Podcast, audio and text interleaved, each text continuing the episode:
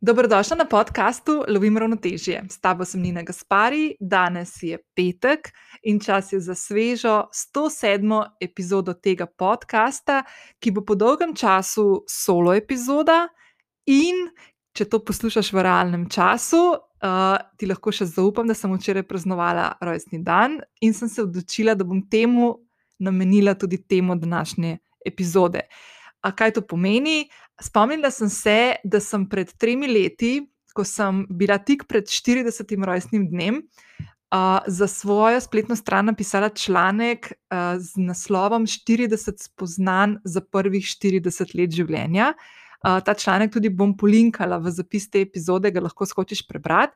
In nekako sem se odločila, da mogoče bi bilo pa fino to pogledati, kaj sem napisala. In pogledati, če so se kakšne moje misli in spoznanja spremenili v tem času, če bi kakšno stvar umaknila z tega seznama, mogoče kakšno stvar dodala. In tako sem nekako dobila idejo, da za današnjo epizodo malo spregovorim o ključnih spoznanjih uh, v mojem življenju in sicer življenjskih spoznanjih in tistih spoznanj, ki se dotikajo dela. Uh, zdaj, jaz bom večinoma govorila iz svoje perspektive, se pravi, uh, dela kot samostojne podjetnice, kot ženske, ki vodi in upravlja svoje podjetje. Če si ti zaposlena, lahko to gledaš iz svoje perspektive, bom poskušala malo bolj tako na široko. Povedati te stvari, tako da se bo lahko vsaka od vas našla v takšni zgodbi. Um, lahko rečem, da sem kar nekaj stvari, ki sem jih pred tremi leti zapisala, se fino nasmejala, uh, danes, tri leta kasneje, uh, ko sem to prebirala, uh, neke teze, ki sem jih takrat posla, post, postavila, sem ovrgla. Uh, nekaj stvari sem tudi dodala na to listo, uh, ključnih, ki so se mogoče v zadnjih treh letih zgodili, ker se mi zdi, da ne samo, da se vsak od nas spremeni v treh letih, ampak se je predvsem tudi svet okrog nas in svet, ki ga sooblikujemo, generalno spremenil in postavil na glavo. Uh, tako da danes bomo o teh stvarih govorili. Uh, in kot vedno te vabim, da če še nisi prijavljena na podcast uh, Lovim ravnotežje, to lahko storiš zdaj. Lahko daš na pauzo in klikneš subscribe. Uh, to lahko narediš na aplikaciji, na kateri običajno poslušaš podcaste. Vedno sem vesela tudi ocen, uh, to tiste zvezdice, ki jih lahko dodeliš, ali pa napišeš tudi v aplikacijo mnenje. Uh, nekateri ste mi, uh, ste me obvestili, da na, na nekaterih platformah, kot je naprimer Google Podcast, tega ne moreš narediti. No, tako da, če slučajno na iTunesu oziroma Apple Podcast poslušate, tam se to da.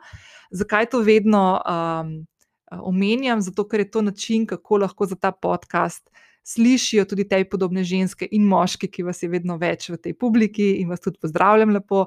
Uh, in uh, vedno sem vesela tudi, če se mi javite, lahko objavite print screen, ko greste na sprehod in poslušate epizodo in me potegate v storju na Instagramu, se vam bom takoj odzvala in tudi z veseljem podelila vaše vaše sporočilo naprej na moja, eh, prek eh, mojega kanala do mojega občinstva. Eh, lahko mi tudi kakšno stvar napišete v zasebno sporočilo na Instagramu, tam se vam bom najhitreje odzvala in ful rada poklepetam z vami po epizodah, tako da se kar javite, vas lepo vabim.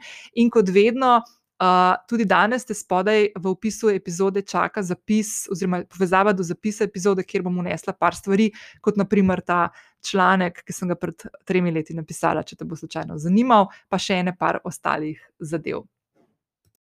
Zdaj, preden nadaljujem in uh, grem skozi teh 43 misli in spoznano življenju in delo, ki jih bom danes delila s teboj v tej epizodi, pa še ena zadeva. Jaz sem se odločila ravno zato, ker sem imela včeraj rojstni dan tudi, no, uh, da bom eno stvar, ki sem jo sicer načrtovala za naslednji teden, naredila že danes in sicer uh, vse izdelke, ki so na voljo v moji spletni trgovini, uh, sem dala fajn luškam popust. Kodo s popustom bom povedala nekje na sredini današnje epizode, ali pa jo lahko najdeš v zapisu te epizode na moji spletni strani.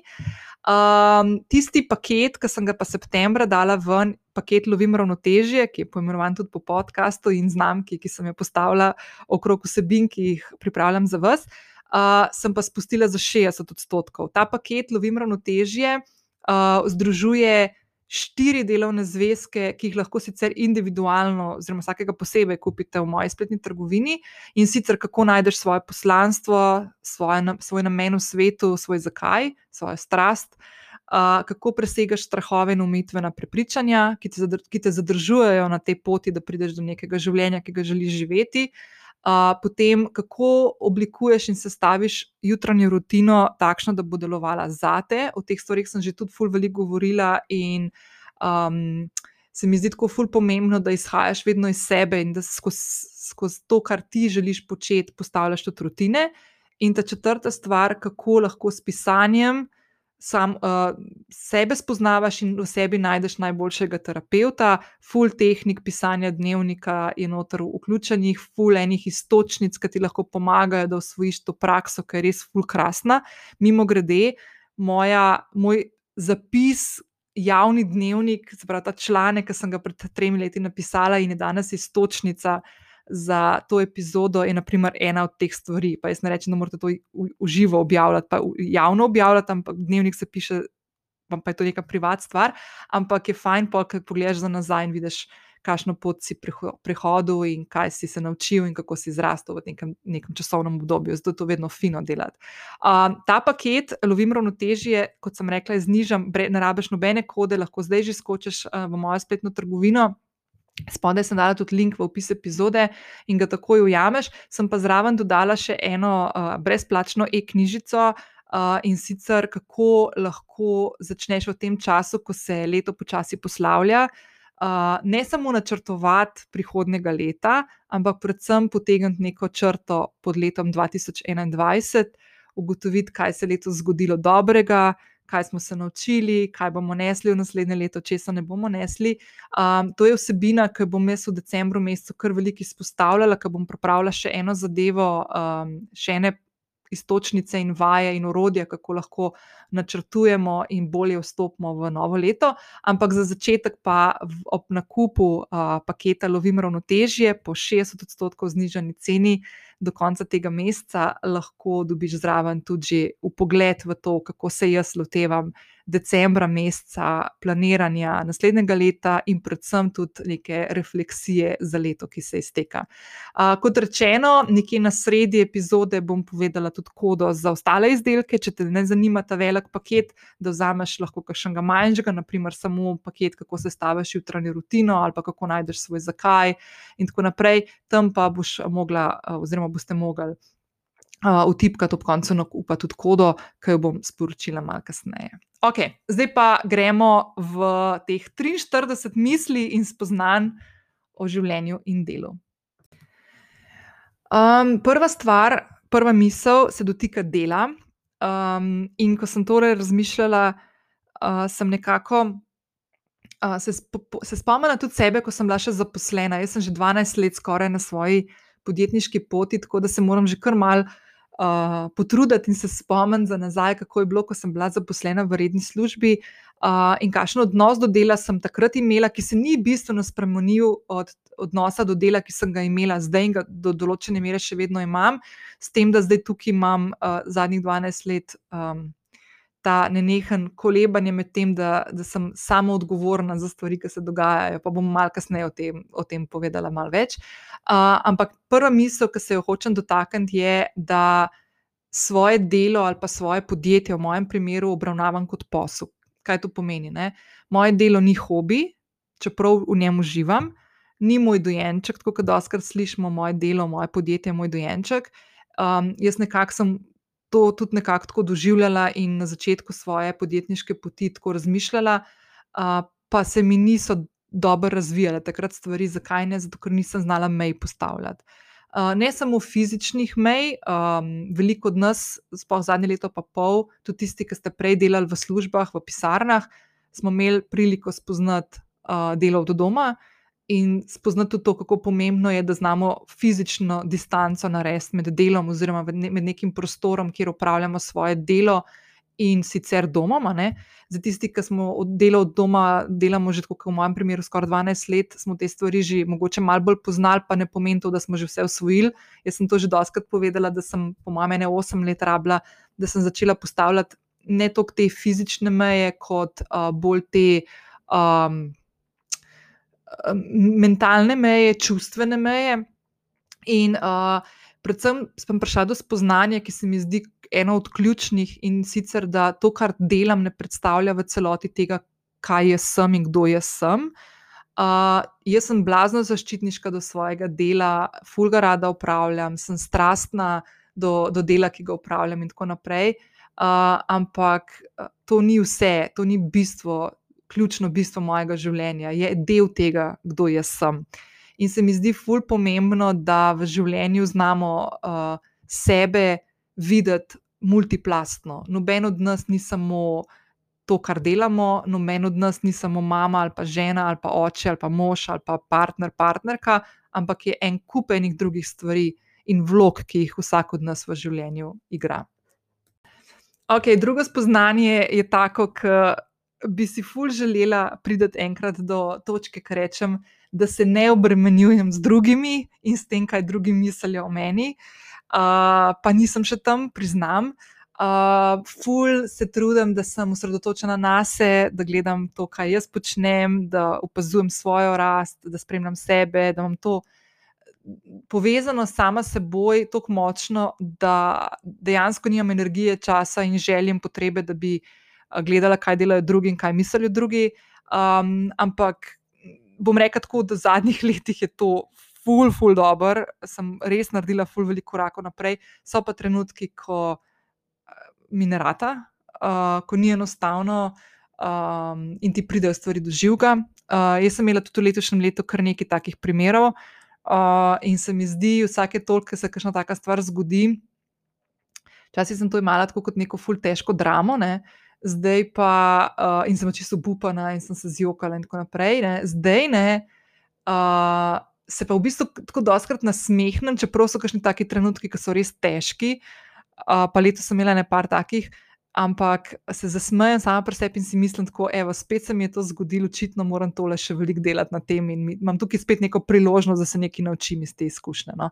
In že to, da sem prišla do nekega tazga zaključka, oziroma tazga načina dojemanja stvari, ki se tako zgodijo, na katere nimaš vpliva, uh, lahko pa vplivaš na to, kako te stvari dojemaš in se na njih odzivaš, se mi zdi tako čist noro hud. Tretja točka, uh, ki se mi zdi fully pomembna, in sem nedolgo nazaj o njej veliko govorila, um, ko smo se pogovarjali o produktivnosti. Uh, 102. epizoda, takrat sem z mojo sestrico poklepetala o tem, kako ona upravlja s svojim časom, uh, ne multitaskati. Um, jaz sem lahko fully ponosna dolg časa, da sem kot ženska, a ne, ki znamo multitaskati in to ful velikrat znamo na glas povedati, ne, in kakšnemu moškemu to tudi malo tako učitujoče reči, vam je kraljica v tem multitaskanju. Ne. Um, jaz sem ugotovila, da je to ena od sla, najslabših stvari možnih, ki jih lahko delaš v življenju, predvsem pri svojem delu. Zakaj? Zato, ker ogromno časa zgubljaš med skakanjem z ene naloge in upravka na drugega, sploh takrat, ko so kakšne take stvari, ki niso med sabo povezane ali pa podobne. Uh, naprimer, da pišeš maile, pa pogreš malo kakšno kreativno delo delati, ali pa vmes kakšne račune izstavljaš, pa to in pol skačeš iz enega miselnega dela v drugega, in ful, ne samo, da ful časa porabiš, ampak tudi ful energije, uh, ki jo tvoji možgani potrebujejo, zato da preklapljajo med različnimi tipi nalog. Uh, in kako pomembno je dejansko, da se naučimo biti osredotočeni na eno stvar naenkrat, um, kar je po mojem že kar tako, skoraj da misija ne mogoče v, v določenih trenutkih in v načinu življenja, ki ga živimo, ampak je, je to full fine. Mimo grede, mi dve smo z mojo sestrico Majo, uh, ki je tudi samostojna podjetnica, pa še samohranilka, uh, imamo, imamo totalno drugačen način življenja. Uh, uh, in kar se tiče najnih vsakodnevnih zadev in upravkov in dela, ki ga upravljava. Uh, in mi je bilo ful dobro, ker smo se o tem pogovarjali v 102. epizodi. Uh, in Maja je bila ključna tudi zato, da, sem, da smo skupaj pripravili uh, delovni zvezek, kako se naučimo uh, boljšega upravljanja s časom. Uh, in ta delovni zvezek je produktivnost, delaj, bo, delaj pametneje. Uh, in je tudi na voljo zdaj s popustom, samo to povem. Ok, naslednja stvar. Um, ne jemlji stvari preveč osebno, uh, oziroma sploh ne brez preveč, pravi, ne jemlji stvari osebno. Um, jaz mislim, da smo tukaj mal kolektivno razpadali, ne, da se ne znamo več pogovarjati. Ne znamo se več pogovarjati, sploh takrat, ko imamo drugačna mnenja, ful smo razdvojeni. Uh, že na teh naših, naših mehurčkih, doskrat, s kakšnimi prijatelji, družinskimi člani, kaj še lepo, družbeno gledano. Mislim, da smo v zadnjem letu in pol naredili tako res sto korakov nazaj kot družba, namesto da bi jih delali naprej in skupaj stali en drugemu ob strani, zato ker drugače ne bomo prišli iz te situacije nikoli. Um, ful je pomembno, da se naučimo uh, sprejemati konstruktivne kritike, argumente, argumentirane kritike, uh, dajati povratne informacije, delati te refleksivne kroge uh, in na podlagi tega potem sprejemati neke odločitve. Zdaj, pri tem nam lahko dosti pomaga pisanje dnevnika. Naprimer, jaz, ki sem najbolj. Po domač povem, pistov, jaz takrat ponad dnevnik vzamem ne, v roko in grem to preliti na list papirja, pravijo, da list prenese vse, ne, papir prenese vse, tako da to res drži. Uh, pa še ena stvar, um, bom povedala en primer letos, ki se mi je zgodil, malo se nanaša tudi na tisto, da se ne obremenjujem z drugimi. Um, jaz sem imela letos en primer pri delu, ko sem naletela na uh, en projekt, ki je bil ful simpatičen in luškan, pa se na koncu ni speljal tako, kot sem si jaz želela, in je bil na koncu naročnik nezadovoljen. Uh, in sem mogla zelo, zelo veliko delati na tem, da sem svoje meje poskušala držati, kot sem jih lahko, da nisem popuščala na stvarih, ker je šlo tukaj precej zelo za veliko za preigravanje razno raznih uh, stvari in tako naprej, in, in, gledanje, in, in gledanje na to, kdo bo zmagal v neki bitki in dosegel svoje, in se mi zdelo tako na določene trenutke že čist noro. In v enem trenutku prideš do spoznanja, da ne moreš, ne moreš um, zadovoljiti vsega. Uh, sploh takrat, ko so neka pričakovanja, ki nimajo nobene veze s tistim, kar smo se strinjali, da se, da se dela, naprimer, konkretno, uh, pa ni bilo lahko, ne? zato ker um, se spomnim, uh, še nedolgo nazaj, ko sem si tako, ko sem bila še tako samska. Pa sem tako razmišljala, kako bi bilo fajn, da bi imela nekoga ob sebi, ki bi me zvečer, ki bi se mi kakšna taka stvar zgodila, kot naprimer zdaj, ko jo opisujem, ker sem imela nek stik, kratek stik z enim naročnikom, da bi mi tako, da bi me objel zvečer. In se prav spomnim, enkrat poleti, da so sedela z mojim dragim na terasi, tle pri meni, in sem dobila en mail, spet, ki me čist tera vrgo in sem si mislila, pa kaj hudiča hoče, vse sem že vse naredila, to sploh ne šteka. Ključnih stvari, ki smo se pogovarjali, kako bomo pelali, in se ne razumemo, in sploh več ne vem, kaj ne napišem, da bomo to prestali, pre, premaknili naprej. Ful se je vlekla zadeva, in tako naprej, in postavljala sem meje, in se niso spoštovali, in tako naprej, in sem bila že čisto na koncu živci. In po meni reče, moj dragi, um, zakaj misliš, da se ti to dogaja, kje, kje vidiš kakšno izvor tega problema, ne? da te stvari zdaj tako dojemaš. Ne?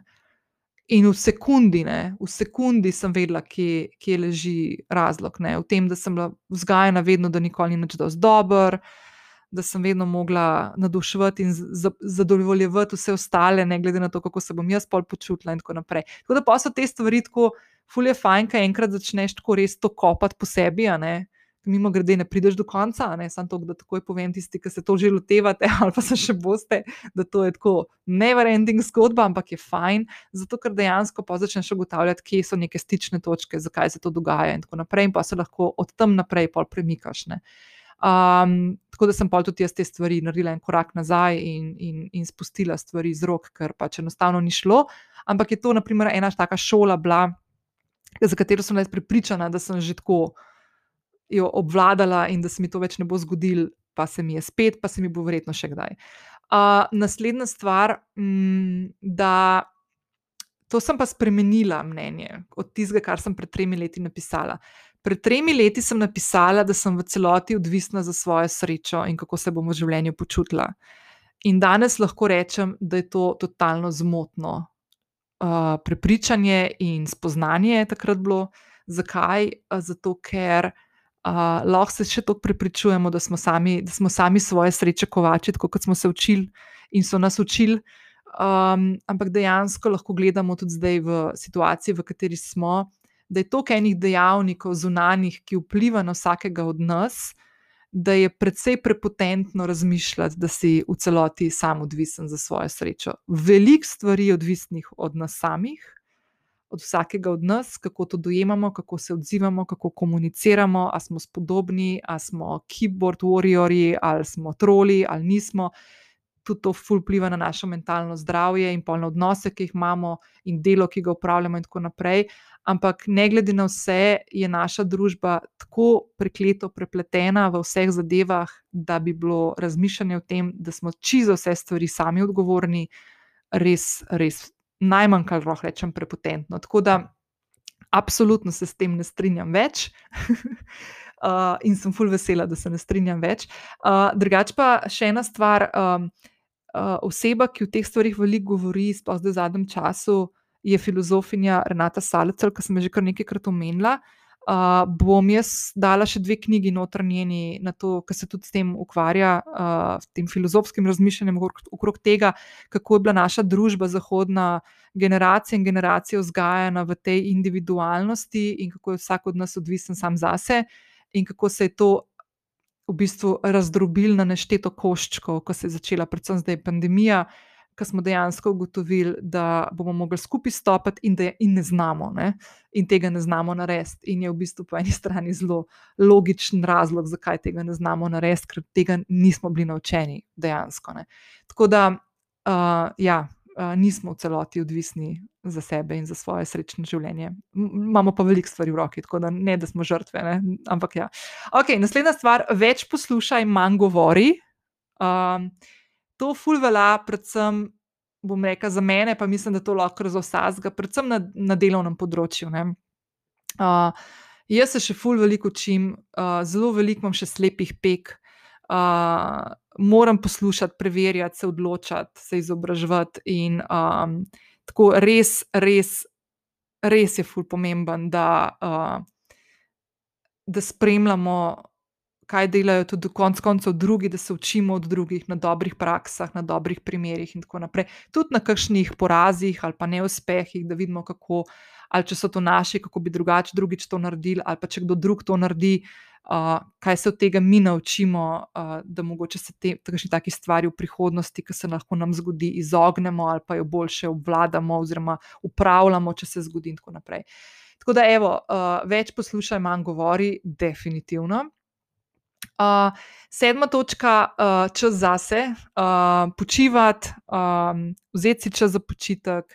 Če hočemo biti dobri v svojem delu, če hočemo biti učinkoviti, če hočemo biti produktivni, če hočemo od sebe dajati uh, presežke in dobre stvari, si moramo vzeti čas za počitek. Um, si moramo vzeti čas ne samo za spanje, dovolj spanja vsak dan, ampak tudi tako, da se odmaknemo od stvari, od, od ekranov, od mogoče včasih tudi od ljudi, da gremo na sprehod sami, da si vzamemo čas za sebe, da razmišljamo o tem, česa si mi želimo, česa, kaj imamo, kaj želimo še doseči, in tako naprej. Um, ta, ta, to tekanje krogov ugotavljanja, kdo smo, česa si želimo. To so te stvari, ki jih jaz vedno ful veliko ponavljam in lahko povem, da, zakaj to ful ponavljam, zato ker jaz to delam zadnja leta. Jaz sem se prej čist preveč in čist preveč energije in časa sem usmerjala v to, da sem se z drugimi ukvarjala, ne sama s sabo. In uh, kar je uh, zapleteno in, kot sem prej rekla, never-ending zgodba, ki začneš enkrat kopati po sebi, je to ena od najlepših stvari, ki jih lahko narediš zase, ker se fulu miriš, ker zgubiš to potrebo potem, da iščeš neke potrditve od zunij, ampak dejansko iščeš te stvari v sebi noter uh, in sebe krepiš, uh, in se potem posledično tudi. Uh, boljše odzivaš na situacije, ki se odvijajo okrog tebe, uh, premaguješ kakšne stresne trenutke, tesnobne trenutke in tako naprej. Tako da, ja, vzamete si čas zase, pa razmišljite o tem, kdo ste, česa si želite, kdo želite postati, kako tja pridete in tako naprej. Naslednja točka je še ena taka, ki sem imela z njo kar velike težave, pa še vedno se malo lovim v njej, ker sem bila naučena drugače. In to je, da prosiš za pomoč. Uh, Um, Noč ni narobe s tem, če kdaj rečeš, da nečesa ne zmoreš, uh, ne znaš, um, ne veš, kako se lotiti. Um, pa je lahko to pri delu ali pa v zasebnem življenju. Um, Noč ni s tem narobe, če izhajaš iz neke uh, iskrene pozicije, ne iz tiste pozicije, ne morem, da mi pomagaj, ne tiste žrtvene. Um, in je. Uh, v bistvu je to nekaj najlepšega, ker začneš graditi tudi odnose, tako iskrene, ki temeljijo na tem, da ko pokažeš, da nečesa ne znaš, ne zmoriš, potrebuješ pomoč, da je nekdo na drugi strani, ki zna to videti, prepoznati in reči: hej, le tukaj sem, povej, kaj rabiš, in tako naprej. Tako da te stvari hm, so tako ful, ful, ful, ful pomembne. Uh, mogoče še ena stvar tukaj, ki sem zelo v zadnjem času zdaj, ker sem tudi v partnerski vezi po dolgem času novi in tako se mi zdi, da tako sama sebe spoznavam v tej vlogi. Um, da sem čist drug človek, kot sem na mogoče prej v kakšni zvezi.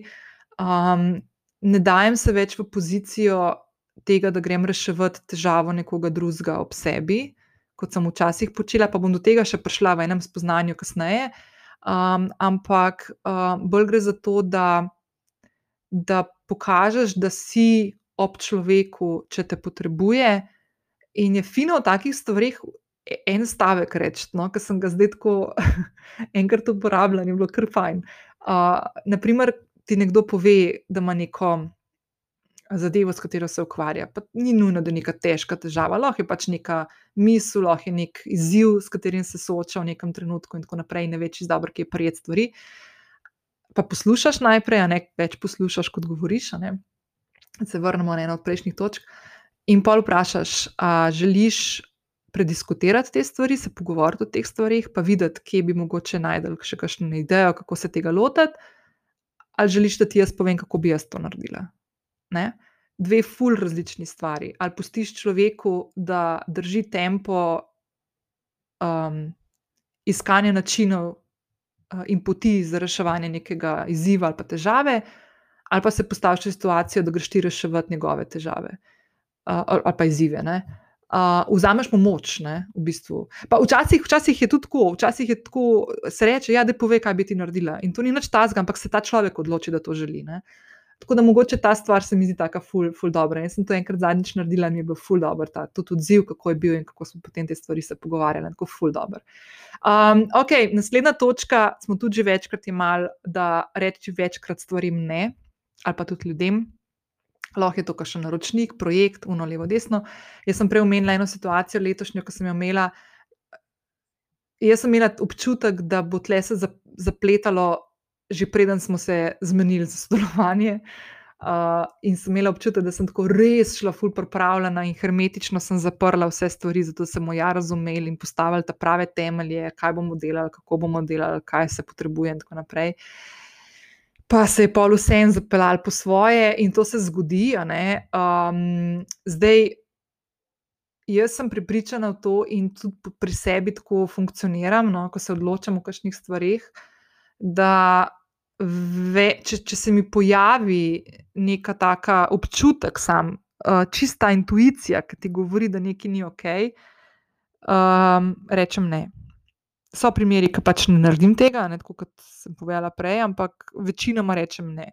Tako da jaz sem v tej temi, zakaj je pomembno reči ne. Posnela podcast že kar pred časom, mislim, da je to deveta epizoda, bom polinkala v zapis epizode. Um, pa lahko greš tja poslušati, če še nisi. To je ena od tistih, epiz ena od tistih epizod, ki vedno, ra vedno raste, tako vedno, tako gre včasih pogledati, kakšne kakšne te analitike pa vidim, tako da se poslušajo take epizode, naprimer ta, kako, kako se naučiš reči ne, pa jutranja rutina, pa, pa še mentalno zdravje. Tako, tako da ene epizode so take fuludarne in se jih že kar, čeprav so dve leti že skoraj stare, se še kar poslušajo. Tako da ja, večkrat je treba reči ne. Uh, in mimo grede, tako je naslednje spoznanje, da stvari, ki te pa strašijo, je treba pa ja reči. Uh, zakaj? Zato, ker tako rastemo, treba je iti ven iz cone obdobja. Jaz nisem pristaš tega, da greš zdaj, če te strah višine, s padalom skakati, ker se mi zdijo to taki tako veliki. Koraki iz cone obdobja, da nas lahko spet zabašajo noter v en mehurček, in se ne bomo še leta ven spravili. Um, ampak tako, um, narediti nekaj, kar mogoče ti je neudobno. Ne? Uh, jaz, na primer, v tem trenutku za naslednje leto načrtujem kar nekaj stvari, uh, ne da, mi, ne, da so mi tako čist nove in ne vem, kako bi se tega lotila, ampak so pa tako izven moje cone obdobja in neke rutine in načina, kako delam stvari zdaj, da me ful strašijo. In, ampak me tako lušten strašijo, da se komi, komi čaka in se ful veselim ugrizniti v to. No? Na tak način. Naj se reče, ja, stvarem, ki nas strašijo. Naprimer, ena od takih stvari, ki se je meni letos zgodila, In sem rekla, ja, pa me je bilo kar strah, ne, zaradi prejšnjih izkušenj. In tako je bilo, naprimer, partnerstvo. Uh, ful me je bilo strah, da bom ugotovila po um, dolgem času samo ukvarjena sama s seboj in tako naprej, da v bistvu nisem nekega napredka naredila na tem področju in da sem še vedno tako, da me pač bo neka veza, da mi bo pokazala, da sem v bistvu še precej zadaj in da nisem.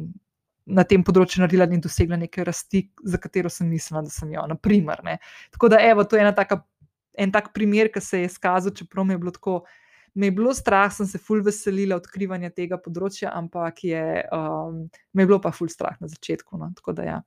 um, okay, naslednja stvar, vzami si več časa za izobraževanje na področju, drumrolls, finančnega opismenjevanja. Okay? To je ena stvar, ki bom jaz zdaj zelo iskrena.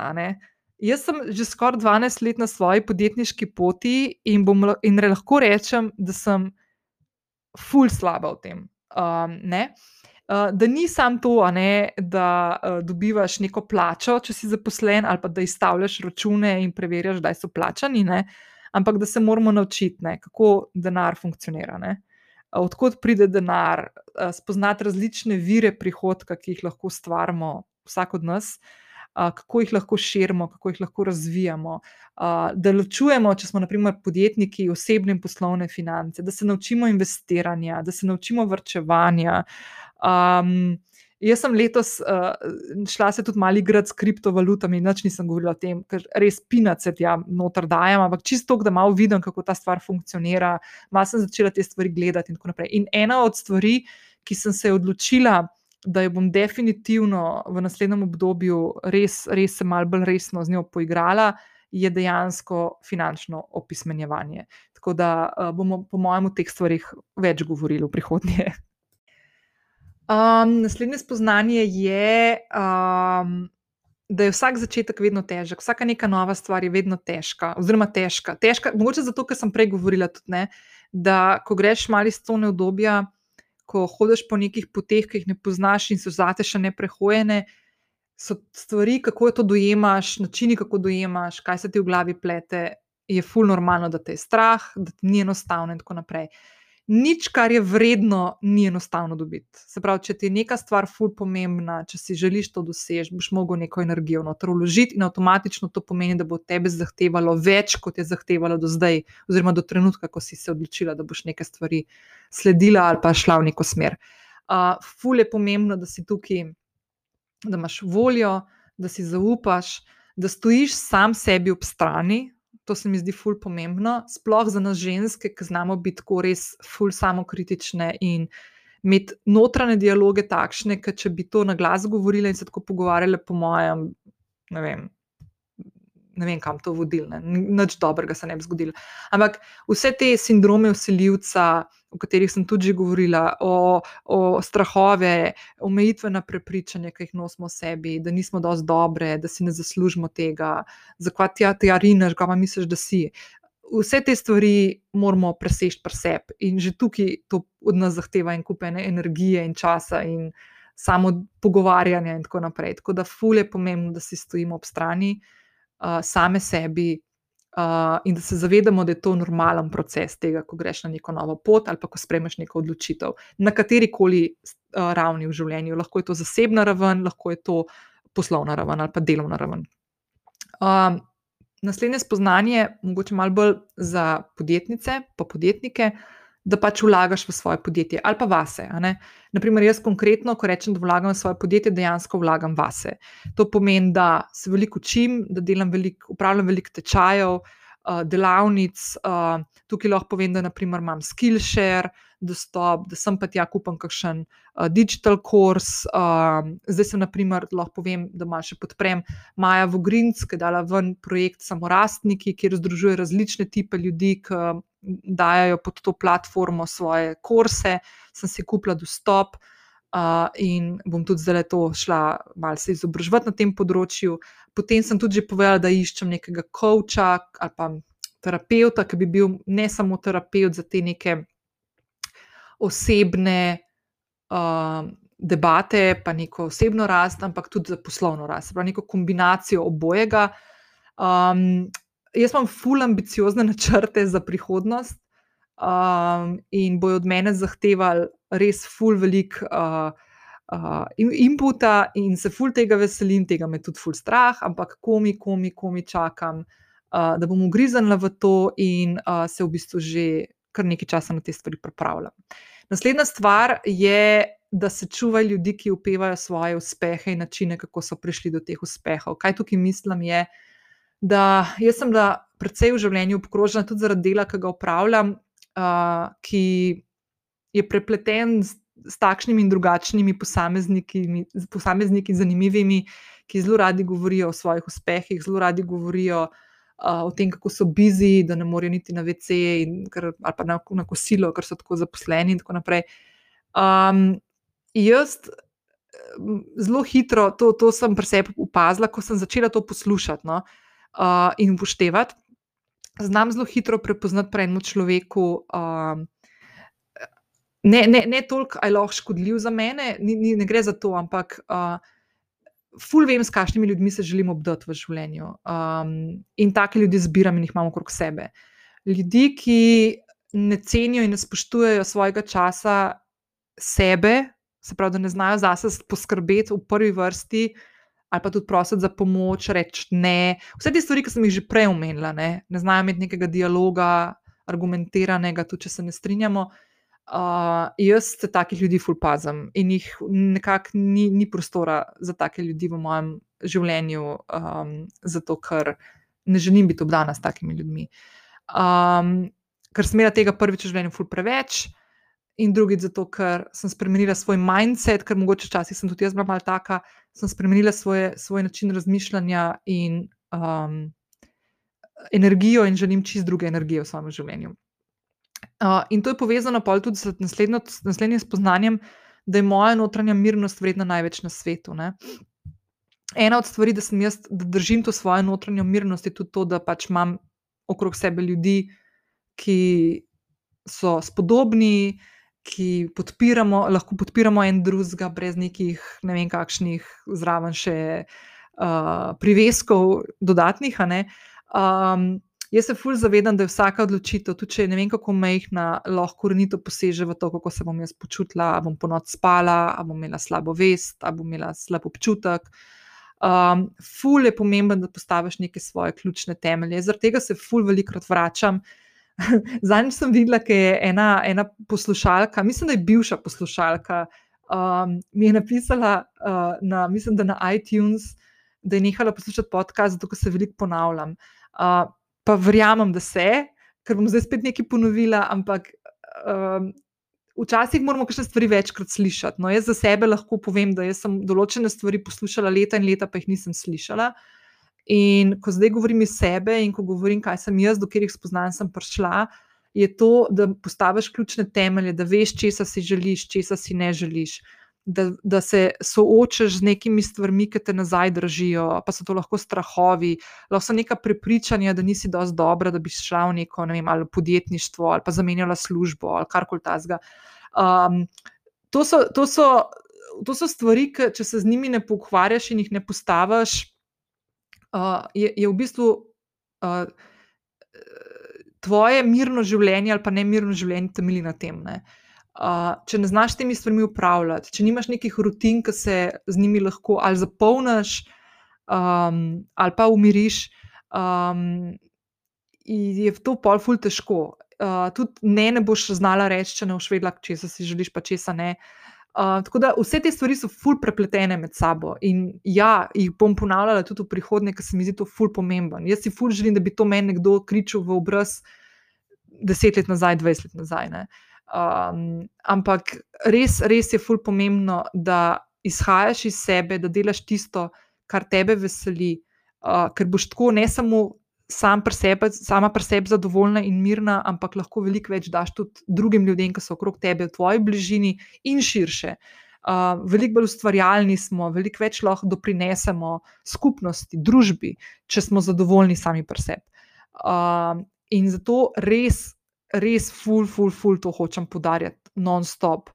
Da prej sem rekla, da nismo za svoje življenje samo mi odgovorni, za ta del, kako upravljamo sami sabo, um, uh, da se sami sabo pogovorimo in ugotovimo, kam hočemo zapeljati to našo ladjo življenja.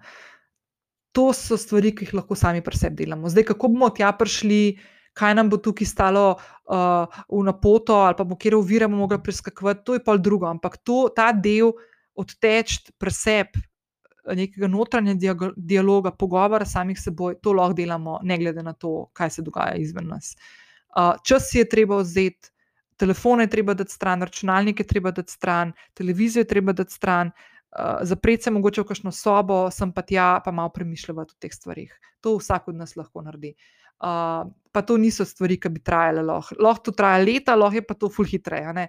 Uh, tako da, uh, tako kot sem rekla, da ugotovimo, kje so naše strasti, povežemo naše znanja, spretnosti, izkušnje z nekimi stvarmi, ki jih ljudje okrog nas potrebujejo, pa so to lahko na, v naši pisarni, v našem podjetju, v naši družbi in tako naprej.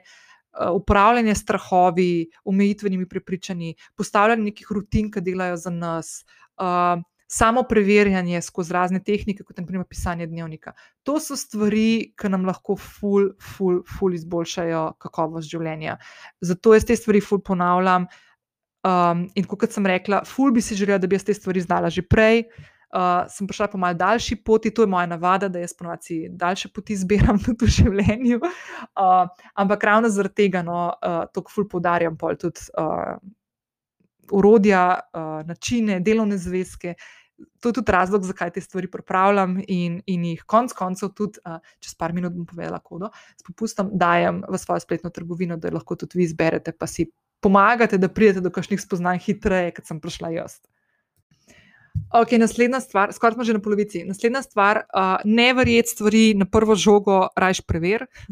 Jaz mislim, da ga ni boljšega časa to povedati na glas, kot zdaj le v tem džumbusu, ki smo zadnje leto pa pol.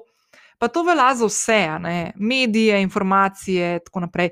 Jaz sem se zdaj že kar nekajkrat v zadnjih epizodah pogovarjala. Um, uh, in z Jano in Mihatom, ki smo se pogovarjali, ki sta pred, predstavnika oziroma delata na projektu Sledilnik, pa Suzano Lovec, uh, eno od novinark in urednic uh, spletnega medija N1, um, da ful velika razlika, oziroma dojem, dojet moramo kot družba, da je ful velika razlika med dejstvi. In med mnenji. Vsak od nas ima pravico do mnenja, dejstva je treba pa odkrivati in se moramo naučiti kako prideti do informacij, ki so fakti, ki so dejstva, ki so preverjene, ki so strokovno prepoznane, in tako naprej. Um, in, uh, in te stvari razumeti, in jih potem tudi nekako razumeti, da tudi če se mogoče ne strinjamo s kakšno stvarjo, um, da pač. Um, To ne pomeni, da niso, da niso to dejstva, ne? da niso to neke fakti, ki pač klinac. Pač ne razstrinjaš, ampak žal, ne. jaz se tudi z velikimi stvarmi ne strinjam, pa nimam, ne morem tle, ne vem, kaj posegati noter. Ne. Tako da, fulje treba preverjati stvari. Um, konc koncev, naslednja točka tudi, ne, da priznaš, da se motiš. Um, jaz sem bila ful slaba v tem, jaz nisem znala tega. Jaz sem tak ego trip včasih, da tudi, ko sem živela sama pri sebi, da sem zasrala, nisem tega na glas priznala. Ni šans, ne. sem šla do konca, skregati se na smrt, če bo treba. Ne. Um, v bistvu je fully enostavno, če se tega naučiš, ker fully enostavno lahko rečeš, da zafrkana sem, kriva sem, zmotila sem se, ni ok. Uh, en primer tega, no, danes sem že povedala, tudi to konc koncev, da definitivno sem se motila, ker sem tudi jaz od sebe oddajala in pisala, da smo sami svoje sreče kovači, ker to pač vidim, da ni res in da to ne drži. In, in je prav, da se to pove, ko enkrat priješ do nekih novih spoznanj. Um, tako da ja.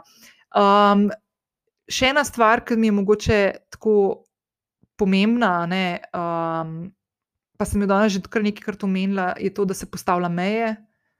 Um, zadnjič sem bila na manikuri in je zraven mene sedela ena punca, mlada, pa je povedala, da je stara 19 let. Um, in je. Smo se začeli malo pogovarjati, pač valjda, da se ne moreš pač tam sedeti eno uro, da se ne bi dotaknil situacije, v kateri živimo. In je tako povedala, da smo se pogovarjali, pa, če smo cepljeni, ali nismo cepljeni, in tako naprej, smo že zboleli s COVID-om ali nismo. In tako smo pogovarjali, tako čist prijeten pogovor. In je rekla, da ona se pa še ni cepila. Pa sem rekla, kako si pa stara, preka 19, pa sem rekla, ok. Um, in, je, in je rekla, da se ni cepila zato, ker ji mama ne pusti. Ne? Um, In stara Nina ne, bi bila ful pametna, ne. ona bi šla tako v napad, kva boš zdaj to poslušala, valjda boš naredila to, kar ti hočeš. Ne. In sem v bistvu sama pri sebi ful opozvala sebe, kako poslušam to punco in kaj bom na koncu rekla nazaj. Ne. Aj bom sploh kaj rekla nazaj, spet tisto, bolj posluši, pa manj govori. In sem tako ful ponosna na sebe, ker sem na koncu tako ji rekla. Najprej mi je bilo, sem sprašvala stvari, ki mi je bilo ful zanimivo, ker ne poznam tega občutka v tem trenutku, da bi v, v družini moje primarni imela ljudi, ki bi imeli tako nasprotujoče mnenje o teh stvarih, kot ga imam jaz. Uh, pač jaz sem tudi povedala, da sem cepljena, tudi vsi okrog mene so cepljeni. Uh, jaz sem šla že po booster shot, tudi ker pač me res ne bi rada zbolela. Ampak uh, ne predstavljam si, naprimer, da bi imela enega od staršev, ki bi bil tako kontra temu, kar jaz razmišljam. Ne?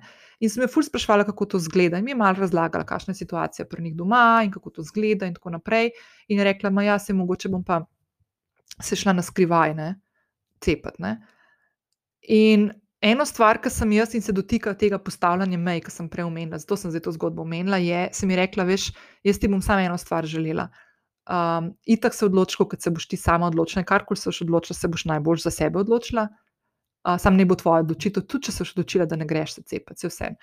Uh, ampak eno stvar, ki ti pa ful želim, je pa to, da boš meje, svoje meje, tudi do staršev, pa kogarkoli drugega, prej postavila, kot sem jih jaz začela postavljati. Ker je to ena od najbolj takih um, opolnomočenih stvari, ki jih lahko vsak od nas naredi. Um, in je to se mi zdi tako ena taka, ful mi je bilo tako prijetno mi ta pogovor, prvič zato, ker je bil vključujoč, ker ni bil neki, da smo se en čez drugega pogovarjali in ustrajali na nekih svojih pogledih in mnenjih in dejstvih in tako naprej. Ampak je šlo za to, da pač razum, poskušaš razumeti nekoga, ki sedi ob tebi, pa povedati vsem svoje mnenje. Mnenje v tem smislu ne zdaj pejce cepata, kot je moje mnenje, da bi bilo fajn, da to naredimo, ampak Ne, poskušaš razumeti, zakaj nekdo tega ne more narediti, zakaj ima neke ovire, uh, sam pri sebi ali pa širše, naprimer, kot v tem primeru, ki ima doma ovire. Um, in, in povedati svoje mnenje, povedati nekaj, mogoče da še na svet, ki mogoče bo tej ženski, tej punci prišel prav enkrat v priliki, ali pa tudi ne, ampak tisto ne napada, dajmo se pogovarjati, bolj poslušamo, manj govorimo. Priznajmo, da se motimo. Jaz, jaz vem, da bi to tri leta nazaj čez drugače zapeljala, jaz bi ful pametvala nazaj. Ni moj plo, prostor, tudi nisem bila vprašana za te stvari. Uh, tako da tudi včasih to mogoče malo, da bo ti tiho, dokler te nekdo ne vpraša. Mislim, da to je še ena od stvari, malo naprej na spoznanje. Um, pol, ful dobro, in sem danes tudi omenila, je pač te, da imaš postavljene rutine. Zdaj, jaz priznam, nimam jaz zdaj trenutno, spohne jutranje, še zdaj se nisem lotila, uh, ampak se bom zdaj, ker moram, ker rabim. uh, mal mi je razpadla, zato ker je toliko enih novih dejavnikov v mojem življenju, da, da na dobro izgovori se to priznam. Uh, moram se lotiti, pač ni, ni drugega. Razpad sistema imam in rutine so fajn, da jih imamo.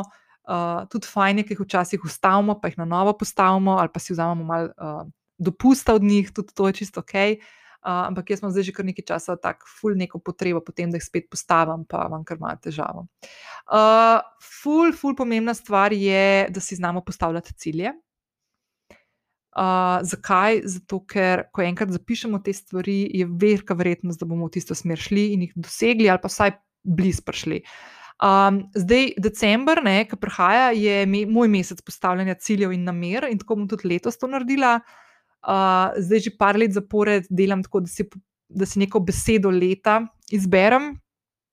Uh, za letos, ful zanimiv. Lani, lanska beseda leta, to sem tudi že omenila, parkrat se ponavljam, uh, je bila rast. Uh, jaz sem takrat naredila lani v začetku leta fulejnih sprememb v svojem podjetju in tako naprej.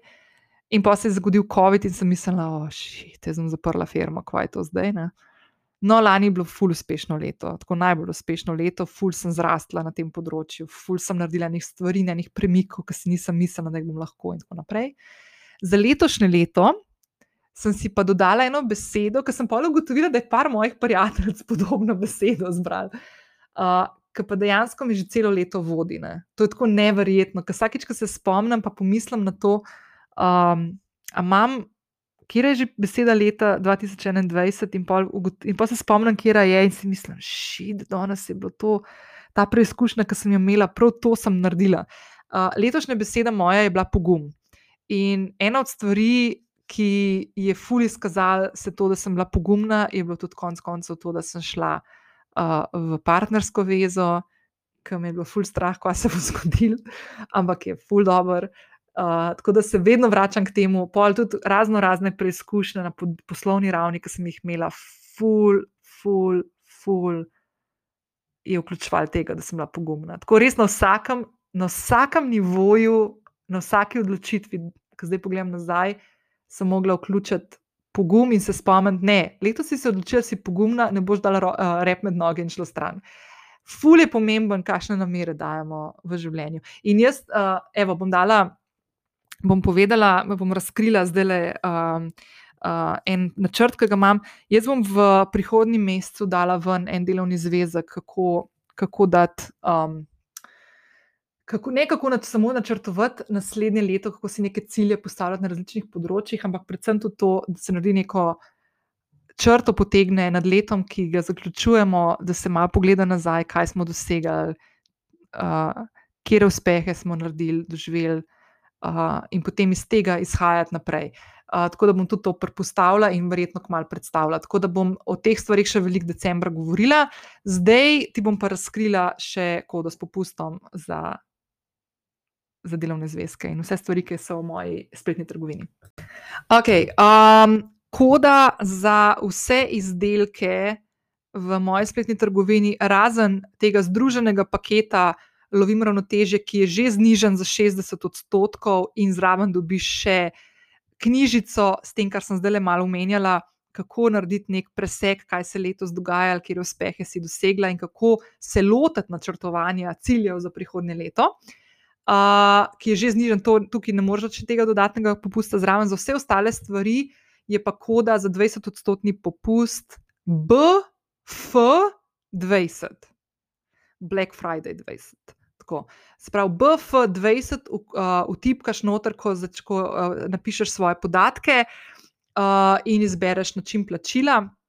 V moji spletni trgovini lahko zbereš tri tipe plačila. Eno je s kreditno kartico, eno je prek PayPala, če ga imaš, in tretje je, da uh, rečeš po predračunu, kar pomeni, da boš dobila na svoj mail, takoj ko daš naročilo, boš dobila vse podatke, kako nakazati in kam nakazati denar, in takoj, ko bo na mojem bančnem računu uh, plačilo, ti jaz sprostim in dobiš v e-mail takoj dostop do uh, izdelka, ki si ga kupila. Tisti, ki plačate s kartico ali pa s PayPalom, dobite pa takoj sproščen, tako da v parih minutah je prvs na mailu. Uh, še to bom povedala, ker sem pa tja dobim kakšno vprašanje, se mi zdi, da mogoče to ni čisto jasno. Vse stvari, ki so v moji spletni trgovini, so digitalne, kar pomeni, da so interaktivni izdelki, lahko upisuješ noter, tam, ki so vaje, so prostori za. Uh, si zapisati, lahko na računalniku pišete noter in v PDF pol shranite ali pa si natisnete, uh, ne dobite fizično na dom. Okay? Uh, morate oddati svoje, naroč, uh, svoje naslove in kontaktne informacije noter, zato ker je pač taka zakonodaja. Ne dobite pa tega na dom. Tako da, takoj, ko kupite, če plačate s kartico ali pa PayPalom, takoj dobite. Tako da, še enkrat sam ponovim, vsi izdelki, razen, uh, razen paketa Lovim ravnoteže, ki je že znižen za 60 odstotkov, so s kodo BF20 do konca novembra, do 30.11. zniženi za 20 odstotkov, BF20. Ok, naprej. Uh, ena stvar, ki sem danes že omenila, eno spoznanje, uh, ne prevzemaj odgovornosti dru za druge in ne delaj se, da veš boljš od drugih. En primer, ki sem ga prej povedala s tisto punco, ko smo se pogovarjali. Um, jaz sem te stvari ful delala v življenju, tako res, še ne dolgo nazaj. Jaz sem se tega začela odvajati pred tremi leti. Ful sem bila pokroviteljska, najbolj do tistih ljudi, ki jih imam najrajš, pa najbližji, ki so mi najbližji, naprimer moja sestra. Ful sem znala biti pametna, kaj naj naredi v določenih situacijah, čeprav se v določenih situacijah jaz nikoli nisem znašla v svojem življenju, pa sem kar pametna. Uh, Le delaš dve stvari slabo. Ne? Z egoističnega vidika, ali pa sebičnega vidika, bolj rečen, delaš sebi škodo, zato ker um, ful energije porabljaš za stvari, ki niso tvoje. Ne? uh, nosiš težo drugih ljudi, njihovih odločitev in življenja na svojih ramah, kar je brez veze. To pač, vse imaš do svojih stvari. Ne? Še bolj pomembna stvar je pa to, da s tem sporočaš, predvsem osebi, ki jo imaš rad, ki ponovadi to delamo ljudem, ki so nam najbližje, da ne zaupaš v njihove odločitve in v njih. In to ni ok. Jaz sem bila prepričana, da s tem pomagam, ampak dejansko sem delala vse prej kot to. Um, tako da odvaditi se tega je ena od bolj pomembnih stvari v življenju. Za mene je ena od top petih stvari, ki sem jih naredila v življenju. Um, naslednja točka, ki ne bi mogla biti bolj primerna in še bolj pomembna kot pred tremi leti, ki sem jo napisala, je, da je zdravje na prvem mestu. Um, zdaj, jaz sem že veliko govorila o HPV-ju, ki ga imam, in tako naprej. Uh, zdaj, v zadnjem letu in pol, ne, smo prišli do tega, da je moje zdravje ne dobro samo za me, ampak tudi za tebe, za družbo. Če sem jaz zdrava, pomeni, da je večja šansa, da bodo ljudje okrog mene tudi bolj zdravi. Če bom jaz zbolela, je večja možnost, da bodo zboleli tudi ljudje okrog mene. Um, jaz mislim, da se moramo tega bolj zavedati, da s svojimi odločitvami lahko zelo hitro posegamo v življenje druge osebe, ki nima nič s to našo odločitvijo, oziroma naj, naj ne bi bila obremenjena z njo, pa dejansko je. Tako da tle je spet treba biti full odgovoren. Uh, naslednja točka. Odmori, odklopi, dopusti, spanje, Uh, ful je pomemben, to sem že prej omenila, da si brez nekega strahu ali pa slabe vesti prvoščimo odmor. Uh, če hočemo biti učinkoviti pri svojem delu, če hočemo učinkovito upravljati svoj čas uh, in biti produktivni, produktivni, bom spet ponovila, ne pomeni, da delamo več, ampak da v istem času, oziroma da enako delo, enako obseg dela naredimo hitreje in lahko z preostankom časa upravljamo, kot želimo, moramo se naučiti počivati. Um, Karkoli to pomeni. V času počivanja imamo lahko uh, prostor za uh, partnersko vezo, za, za pogovore, za branje, za gibanje, za sprehode, za klepet s prijateljem po telefonu, whatever. Dajmo se naučiti tega. Tudi dolg čas, in tudi več kot pa je ful pomemben aspekt življenja. Uh, sploh za vse tiste, ki delajo v kakšnih kreativnih poklicih dolg čas je eden od ključnih virov za ideje, uh, če si dovolimo uh, imeti dolg čas. Um, naslednja točka, ki sem imela glih kar gibanje. Tukaj moram tudi jaz narediti na mojem področju malo več, ker sem kar malo opustila ta del. Um, ful pomembno, da se gibamo, zdaj v tem času. Jaz sem spet upeljala te moje sprehode uh, vsak dan, ki mi manjkajo, in, uh, in ostale stvari, ki sem jih malo opustila. Naslednja točka, da se osredotočiš na stvari, ki jih že imaš, ne na stvari, ki jih nimaš. Vsak od nas ima stvari, za katere lahko hvaležen, če sam pogledamo malo okrog sebe, malo bolj. Um, in ful, ta, ta switch v glavi si lahko pomagaš ga narediti, da pišeš dnevnik in vključuješ vsak dan noter, kaj, zakaj si hvaležna. Lahko je to, ne vem, da danes ne dežuje da ni megle, tukaj v Ljubljani zadnje dneve, ful. Pa take stvari, ali pa da, si, da te je poklicala prijateljica, ki že dolgo nisi slišala. Ne rabijo biti za neki tektonski življenjski premiki ali pa poslovni premiki.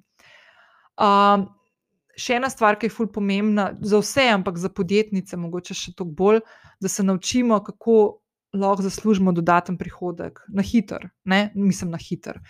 Da narediš neke vire prihodka, ki ti omogočajo, da, da hitreje zarotiraš stvari. Uh, Uh, naprimer, v mojem primeru sem to lansko leto naredila, da sem odprla spletno trgovino in je to nek dodaten, pomemben del prihodka, ki ga dobim, uh, zato da lahko pol na koncu ustvarjam vsebine, kot je naprimer podcast, ki je brezplačen, da ga lahko vsak petek poslušate. Um, naslednja stvar, da bodimo bolj potrpežljivi, uh, umirjeni, sploh zdaj v tem času, se mi zdi to ful pomemben. Uh, tako da, uh, da se naučimo tega tak, ja, potrpežljivosti, dvakrat vdihati, preden kakšno stvar rečeš, ali pa napišeš kakšen komentar na Twitter, ali pa na kakšen članek, ki je objavljen na spletni strani, pa se z njim ne strinjaš. Tako, dvakrat vdihati, pa se pol odločiti, ali pa prespati. Naslednja točka je ena od mojih ljubših, e, ena od mojih ključnih in ljubših, ljubših spoznanj v življenju, da je pomembno, da se obkrožiš s pametnejšimi in bolj izkušenimi ljudmi kot si ti. Uh, jaz sem ful, ful, ful vesela, ker to se mi zdi, da to ni tako, vem, splošno sprejeto ali pa razumljeno. Sploh nekateri ljudje imajo s tem malce težave, nič narobe s tem, ampak meni je to ena od ful, ful dobrih stvari in spoznanj, ki jih imam. Uh, zato, ker mi to pomaga, da sem jaz nenehno v nekih miselnih procesih, da rastem, da se učim, da spoznavam neke nove stvari, ki jih drugače mogoče ne bi. Uh, da ne gledam na življenje, kot da sem že vse spoznala in se naučila, in zdaj sem jaz nek motherfucker ne, na tem področju in vse znalci in tako naprej. Uh, ampak da dejansko se zavedam tega, da je življenje nenehno učenje. In um, na vseh ravneh, ne, tako na, na, na partnerski ravni, na zasebno življenje, poslovno življenje. Ful sem vesela, ker se znajdem v nekih situacijah, ko ugotovim, da imamo okrog sebe ljudi, ki so več stvari naredili ali pa bolj sposobni na kakšnih področjih kot jaz, brez da bi sebe zdaj noč dejala. Jaz vem, v čem sem dobra, vem pa tudi, v čem nisem dobra, ali pa kje imam te slepe pege. In te slepe pege poskušam prekrivati z, pokrivati z ljudmi, od katerih se lahko v tistem trenutku nekaj naučim. Um, naslednja točka. Bodi prijazna, pa spoštljiva do ljudi.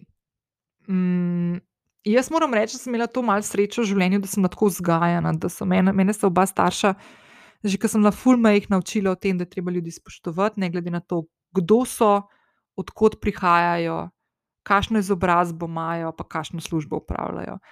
In lahko povem po pravici, da je ena od lepših stvari, ki jih imam jaz, svojih karakteristik, je to, da ne glede na to, ali je človek s tremi doktorati ali pa brezdomc na ulici, brez izobrazbe, uh, ali pa se vse, kdorkoli, no, um, da spoštujem enako oba in oba dobita od mene na začetku, iz enake točke izhajamo. Nimam neke te, tega občutka, ko se naprimer pogovarjam s kakšnimi tako um, res, res brihtnimi glavami. Ne. Zdaj, zelo v zadnjem času sem bila tako doskrat v kakšnih situacijah, ko smo bili naprimer, na kakšni večerji, pa so bili tako, ne vem, kakšni filozofi. Lo, evo, lahko povem, da sem bila. Uh, Augusta, meni se zdi na večerji s to filozofinjo Renato Salec, ki sem jo že parkrat omenila in sem tudi rekla, da bom njeni dve knjigi dala v zapis epizode in jih polinkala. Uh, jaz tako noro spoštujem to osebo, tako strah me je bilo malo na začetku, kako bo to izgledalo, kaj sem sploh imel za kaj zapogovarjati, jaz sploh kaj lahko rekla, ali jaz nimam kaj pametnega zapovedati. In ko smo se dobili, je bilo tako zelo, zelo hitro sem prepoznala, da ne dajem te osebe, čeprav jo spoštujem, cenim in tako naprej, ne dajem te osebe v nek tak krok, ki zdaj pa je to nek nadčlovek. Ne? Ker je pač ful izobražen, ker je ful razgledan, ker piše knjige. Ker ne, vem. ne, ne. Prvič ne dajem sebe v noč, ker vem, kaj jaz lahko doprinesem. In isto, isto potem na koncu delam tudi z ljudmi, ki mogoče rečemo, da ne bom rekel, da so nižji, no, ker je to fulgardo, ampak naprimer, ki nimajo take izobrazbe, ki niso v življenju uh, naredili podobne poti kot jaz. Pač z vsakim človekom moraš vzpostaviti neko, neko spoštovanje. In ful pomembna stvar, ki se takoj dotika tega nazaj, je, da če si spoštljiva ti do ljudi, lahko pa zahtevaš to spoštovanje nazaj. In jaz sem imela letos, samo letos, ene par primerov, ko sem lahko re, udarila po mizi, figurativno, udarila po mizi in rekla: Ne, tako se pa z mano ne boš pogovarjal. Ne? Ampak sem to lahko naredila in je bilo to tudi sprejeto in upoštevana ta meja, ki sem jo postavila, zato ker sem jaz spoštovanje najprej postavila do te osebe. Tako da um, ne moreš pričakovati spoštovanja, če to ne delaš, če to ne izvajaš do drugih. To, obe te točki. Um, bolj pomembno je, da sem srečna, kot da sem prva ali pa najboljša. Um, to mi je tako ful. pomembno. Uh, pa je full fine, ker sem daj dobro stvar naredila, ali pa ker vidim, naprimer, ne vem, da je podcast epizoda najbolj poslušana, ali pa karkoli ta zgaval, da je super. Ne? Ampak ne vem, no, to so taki kratkoročni. kratkoročne zadovoljitve. Ne. Ful je bolj pomemben, da delamo na teh dolgoročnih občutkih, da smo zadovoljni, da znamo sebe znotraj krepiti, da, da je naše zadovoljstvo neodvisno od drugih, čim bolj neodvisno od drugih. Se pravi, da, da znam je sama sebe pripraviti do tega, da rečem, da sem v življenju zadovoljna in izpopolnjena, naprimer, tudi, ko sem na samskem. Primer. In jaz še zdaj se držim tega modela. Ne? Da tudi zdaj, ko sem zaljubljena, pa ko sem v vezi krasni, pa imam fajn partnerja, super partnerja, pa vse, pa vse tisto, kar sem si želela nekoč, da bi imela, da še vedno se spomnim, da znam biti tudi sama. Ne, ne zato, ker bi hotela zdaj nekaj tako, kaj pa če se bo kaj zgodilo, ne, ne, ne, ne neko katastrofično razmišljanje za naprej. Ampak tako, jaz vem, da sem lahko sama in sem lahko srečna in zadovoljna in spopolnjena, tudi če sem samska. Ampak, ker imam pa zdaj nekoga zraven, je pa to ne samo češnica na vrh, ampak še smetana, pa več drugih stvari, ampak je pa super, da imaš nekoga ob sebi. No? Tako da, ja, to. Naslednja točka. Malo gre to s tistim, ne, da ne moreš vedno vse doseči, pa biti srečen, pa si sam za to odvisen. Ampak ena zadeva, ki je fully pomembna, tudi, da ne stremim k temu, da na vse navdušujem. Um, se pravi, da so vsi zadovoljni okrog mene, pa tako, pa da sem jaz odgovorna za druge, ne, kako se bojo počutili, pa kaj bojo meni rekli, pa jih zapovedati. In tako naprej. Um, v bistvu je najbolj pomembna stvar to, tudi zdaj, ko govorim tako le v mikrofon, sama v svoji domači pisarni in si predstavljam, kako se zdaj s tabo pogovarjam, ker verjetno si na sprehodu ali pa kuhaš večerjo ali pa se voziš v službo ali pa iz službe. Um, kaj bom povedala tazga, da bom tebi nekaj doprinesla? Meni je ful bolj pomembno, da tiste, ki se redno vračate na ta podcast in tudi moški, tudi tisti, ki ga poslušate, mogoče. No, Da dobite od tega podcasta, od vsebin, ki jih jaz pripravljam. Sploh v takih epizodah, kot je današnja, ki je tako res tako osebna, uh, ker nisem neki ful taktično razmišljala, kaj bom povedala, ampak probujem res iz srca govoriti. Um, da nekaj odnesete, da na koncu rečete, umater, dobro, da sem tole zelo poslušala, sem se spomnila še jaz parih stvari, ki so mi tudi ključne v mojem življenju. Meni je ful bolj pomembno, da tebe navdušim, ker se vračaš na vsebine, ki jih pripravljam, ker da navdušujem ne vem koga drugega. Pa ne navdušujem v tem smislu, da sem jaz odgovorna te, za to, da boš ti navdušena, ampak zato, ker si želim, da čas, ki ga nameniš temu, da moj glas poslušaš, da rečeš na koncu, evo, nekaj pametnega sem slišala ali pa zvedla, ali pa, uf, spomnila sem se ene ideje, ali pa, o, mater, tole pa že dolgo nisem pomislila, kako pomembno je tole spoznanje, se pa s tem strinjam. Ali pa, da se kakšno novo iskrca v tvojih možganjih pržge. To mi je ful pomemben in vse ostalo mi je totalno, totalno nepomembno. Zdaj gledam tle list, ki sem si ga spisala v Word dokumentu. uh, spoznanja. Ne? 43 spoznanj, in pa rečem, čak ni na enega preveč, imaš čak, čak te, da zadnji ga lahko združiš. in pa sem ugotovila, ne, ni nas, ja, 43, si stara, ne 42. Tako da zdaj sem se malo nasmejala v telepauzici, ki sem si jo vzela. Ok, naslednja točka, še desetih imamo.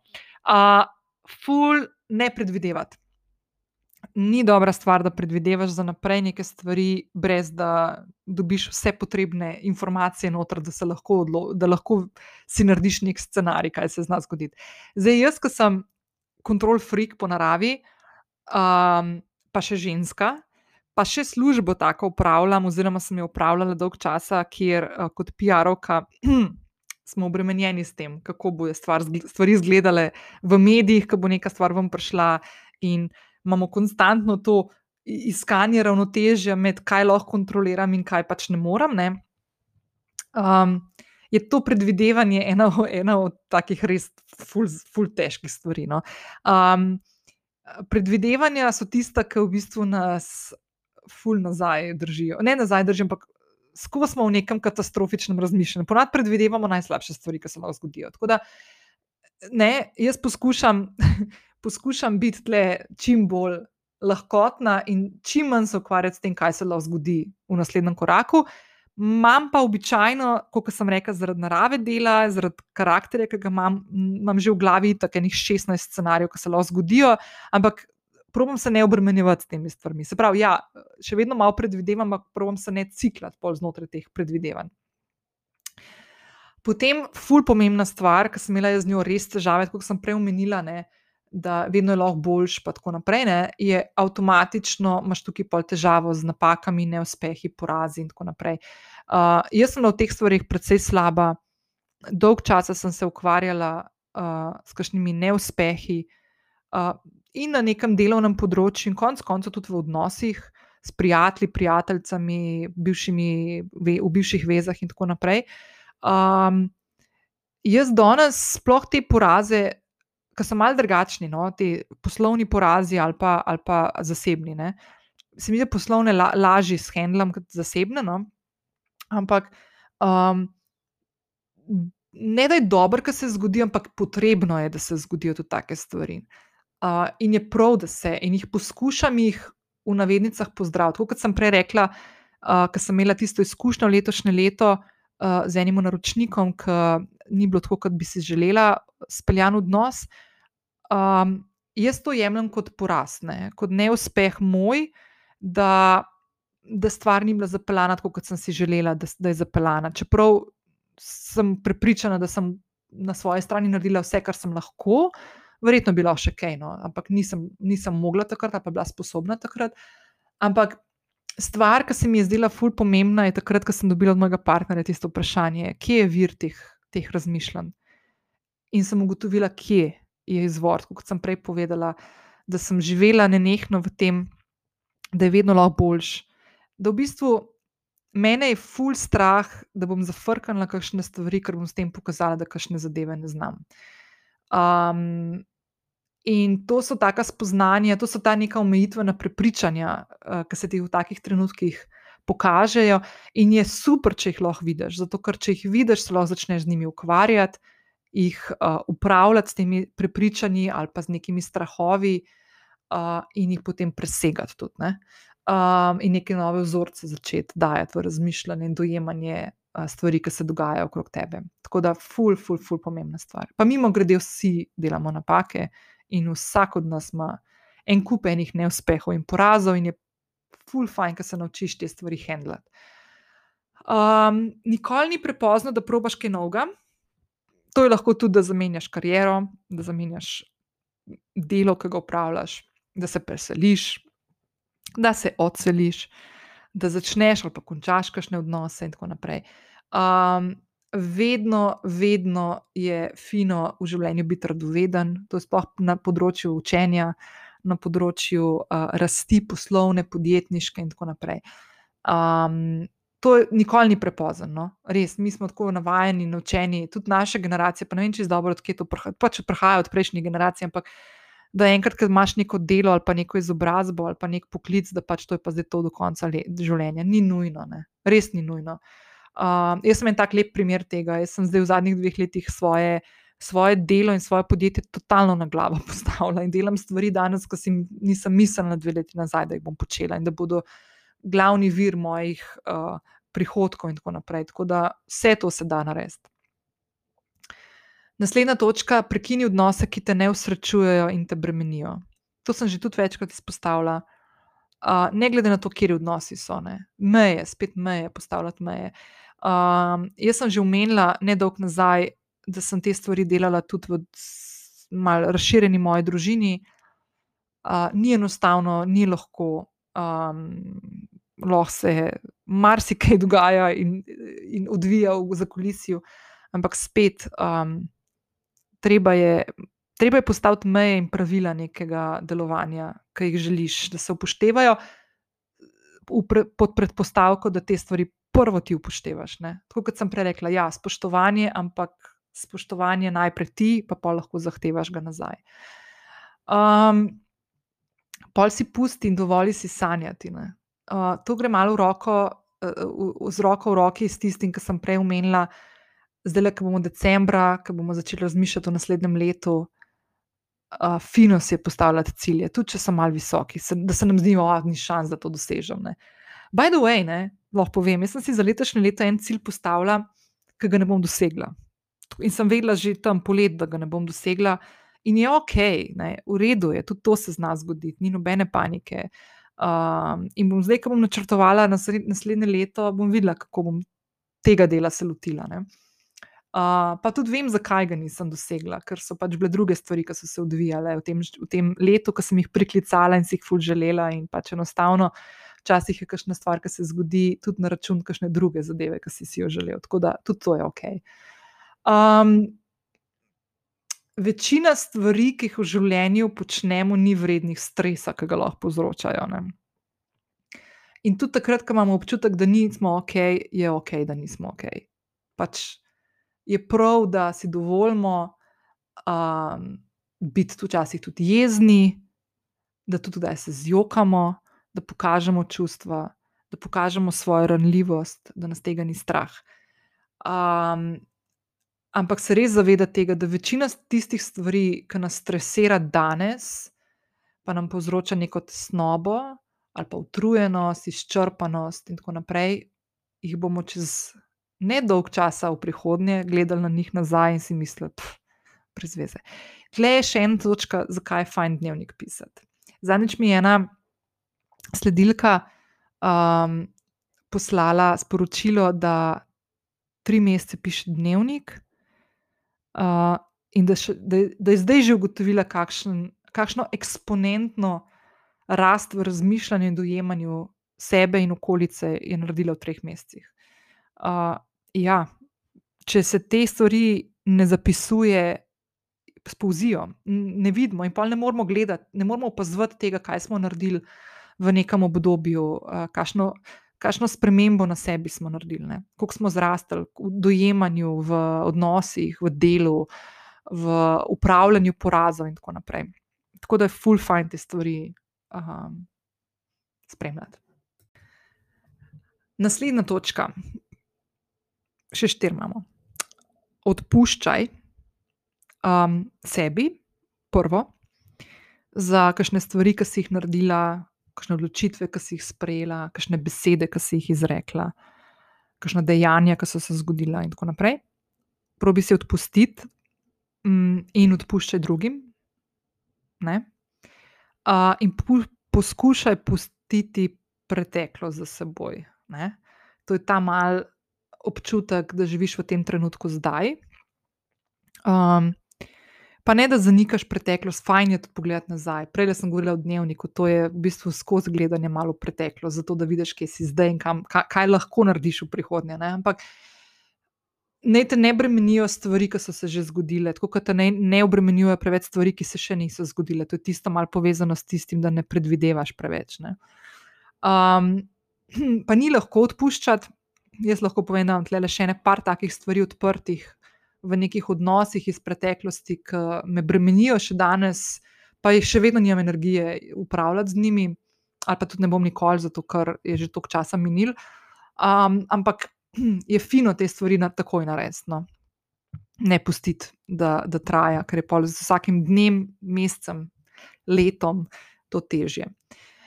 Um, naslednja stvar, bodi dobra prijateljica, bodi dobra sestra, teta, hčerka, vnukinja. Um, nisem najboljša, priznam, ker sem tudi v letošnjem letu kakšno stvar tako naredila, ki ni bila ok. Naprimer, babice že nisem šla dolgo časa obiskati v dom. Uh, sem pa dobra teta, nečaku v Brestu, to pa priznam. Uh, hčerka, maja, ok, lahko bi bilo tudi kaj boljše, lahko bi se več videla, ampak ok. Moje sestri, upam, da ja, prijateljica, upam, da ja, mi bo povedala moje prijateljice.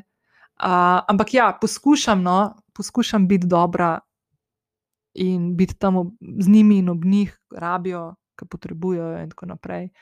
Um, so fully izzivi včasih, sploh v teh časih, ki je tako pač se skupaj malo čuden, ampak ja, se manj vidimo, pa tako naprej. Ampak dobro, rečemo, da, rečemo, da imamo to poklukan.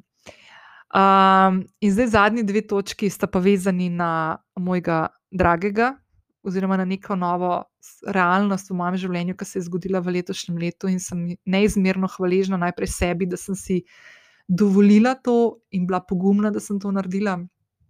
Da sem um, v življenju, da, da imam v življenju osebo, ki mi stoji ob strani, uh, ki me nasmeji, kot me noben drug ne zna nasmejati. Um, ki me razume, ki me sprejema takšno, kot sem, z vsemi mojimi šalabazarijami zraven, uh, ki me ima rad in ki mi je pokazal, da to, kar me je ful skrbel, da nima nobene osnove in da sem dobra partnerka. Tako da mi je to, sem kar so znači dobila. Um, to je res taka stvar, ki me je bilo res ful strahno. In, in lahko povem še to, ker ne, ne rada govorim o njem uh, tako le javno, zato ker uh, sem se odločila, da bom ta del življenja imela mal zase, čim dlje. Um, ampak jaz sem kar nekaj časa. Sva se spoznavala z mojim partnerjem, sva veliko se dobivala, sva sprehajala, pogovarjala, spoznavala in tako naprej. In bolj, ko sem ga spoznavala, bolj pomembno mi je bilo, da, da ne želim odnosa z njim, kakršen koli bo, tudi če bo prijateljski vstal.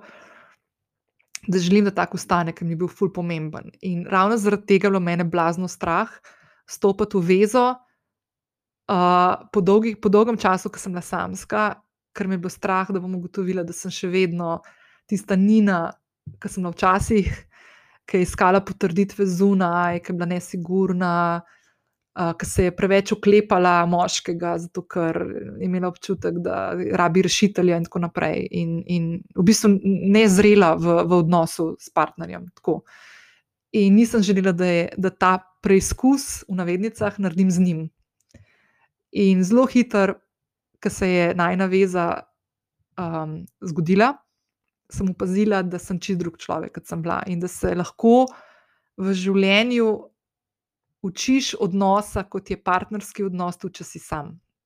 Ker je ful pomembno, da sebe krpiš, pa da delaš na sebi in da sebe postavljaš kot individuum, kot individualno osebo, in potem lahko postaneš tudi v paru boljši človek, bo, bo, bolj zrel, uh, odprt uh, in s pravo besedo partner, z veliko začetnico. In um, sem fulj vesela, da sem si to dovolila, da me ni ustavil ta strah, da bom zafurala z njim, pa nisem hotela to z njim zafurati.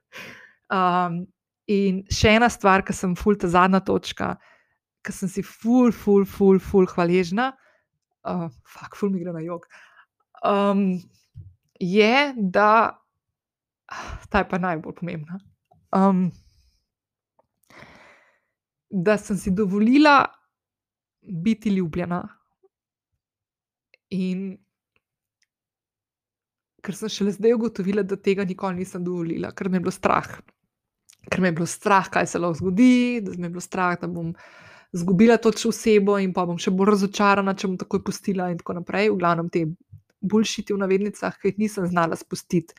In to je ena stvar, ki sem zdaj ugotovila, da v teh letih, ko sem se ukvarjala sama s sabo in ko sem delala na sebi, sem v bistvu te stvari ful premagovala in se zdaj, danes, ko sem v partnerski vezi, zavedam, da sem te stvari naredila in da se počutim ful dobro. In naravno mi je biti ljubljena, in naravno mi je, da ljubim nazaj.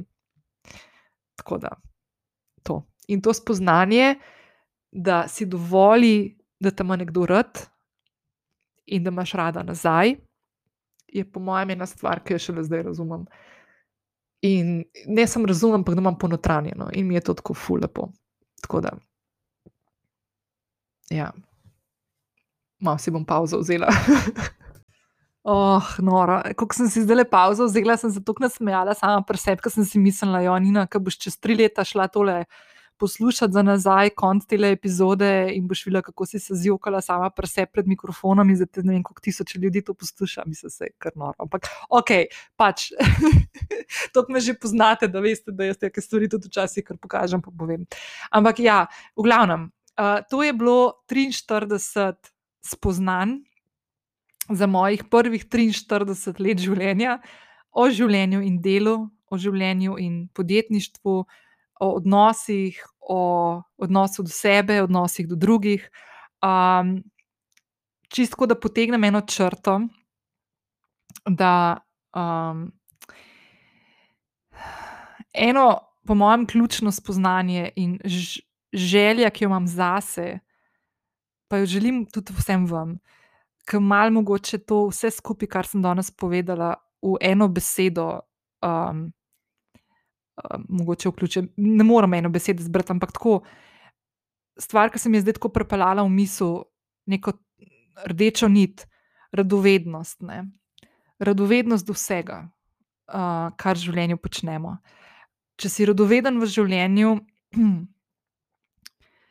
boš nenehno stremel k, tem, k temu, da se učiš, da se razvijaš, da rasteš, da spoznavaš sebe v različnih scenarijih, v različnih odnosih.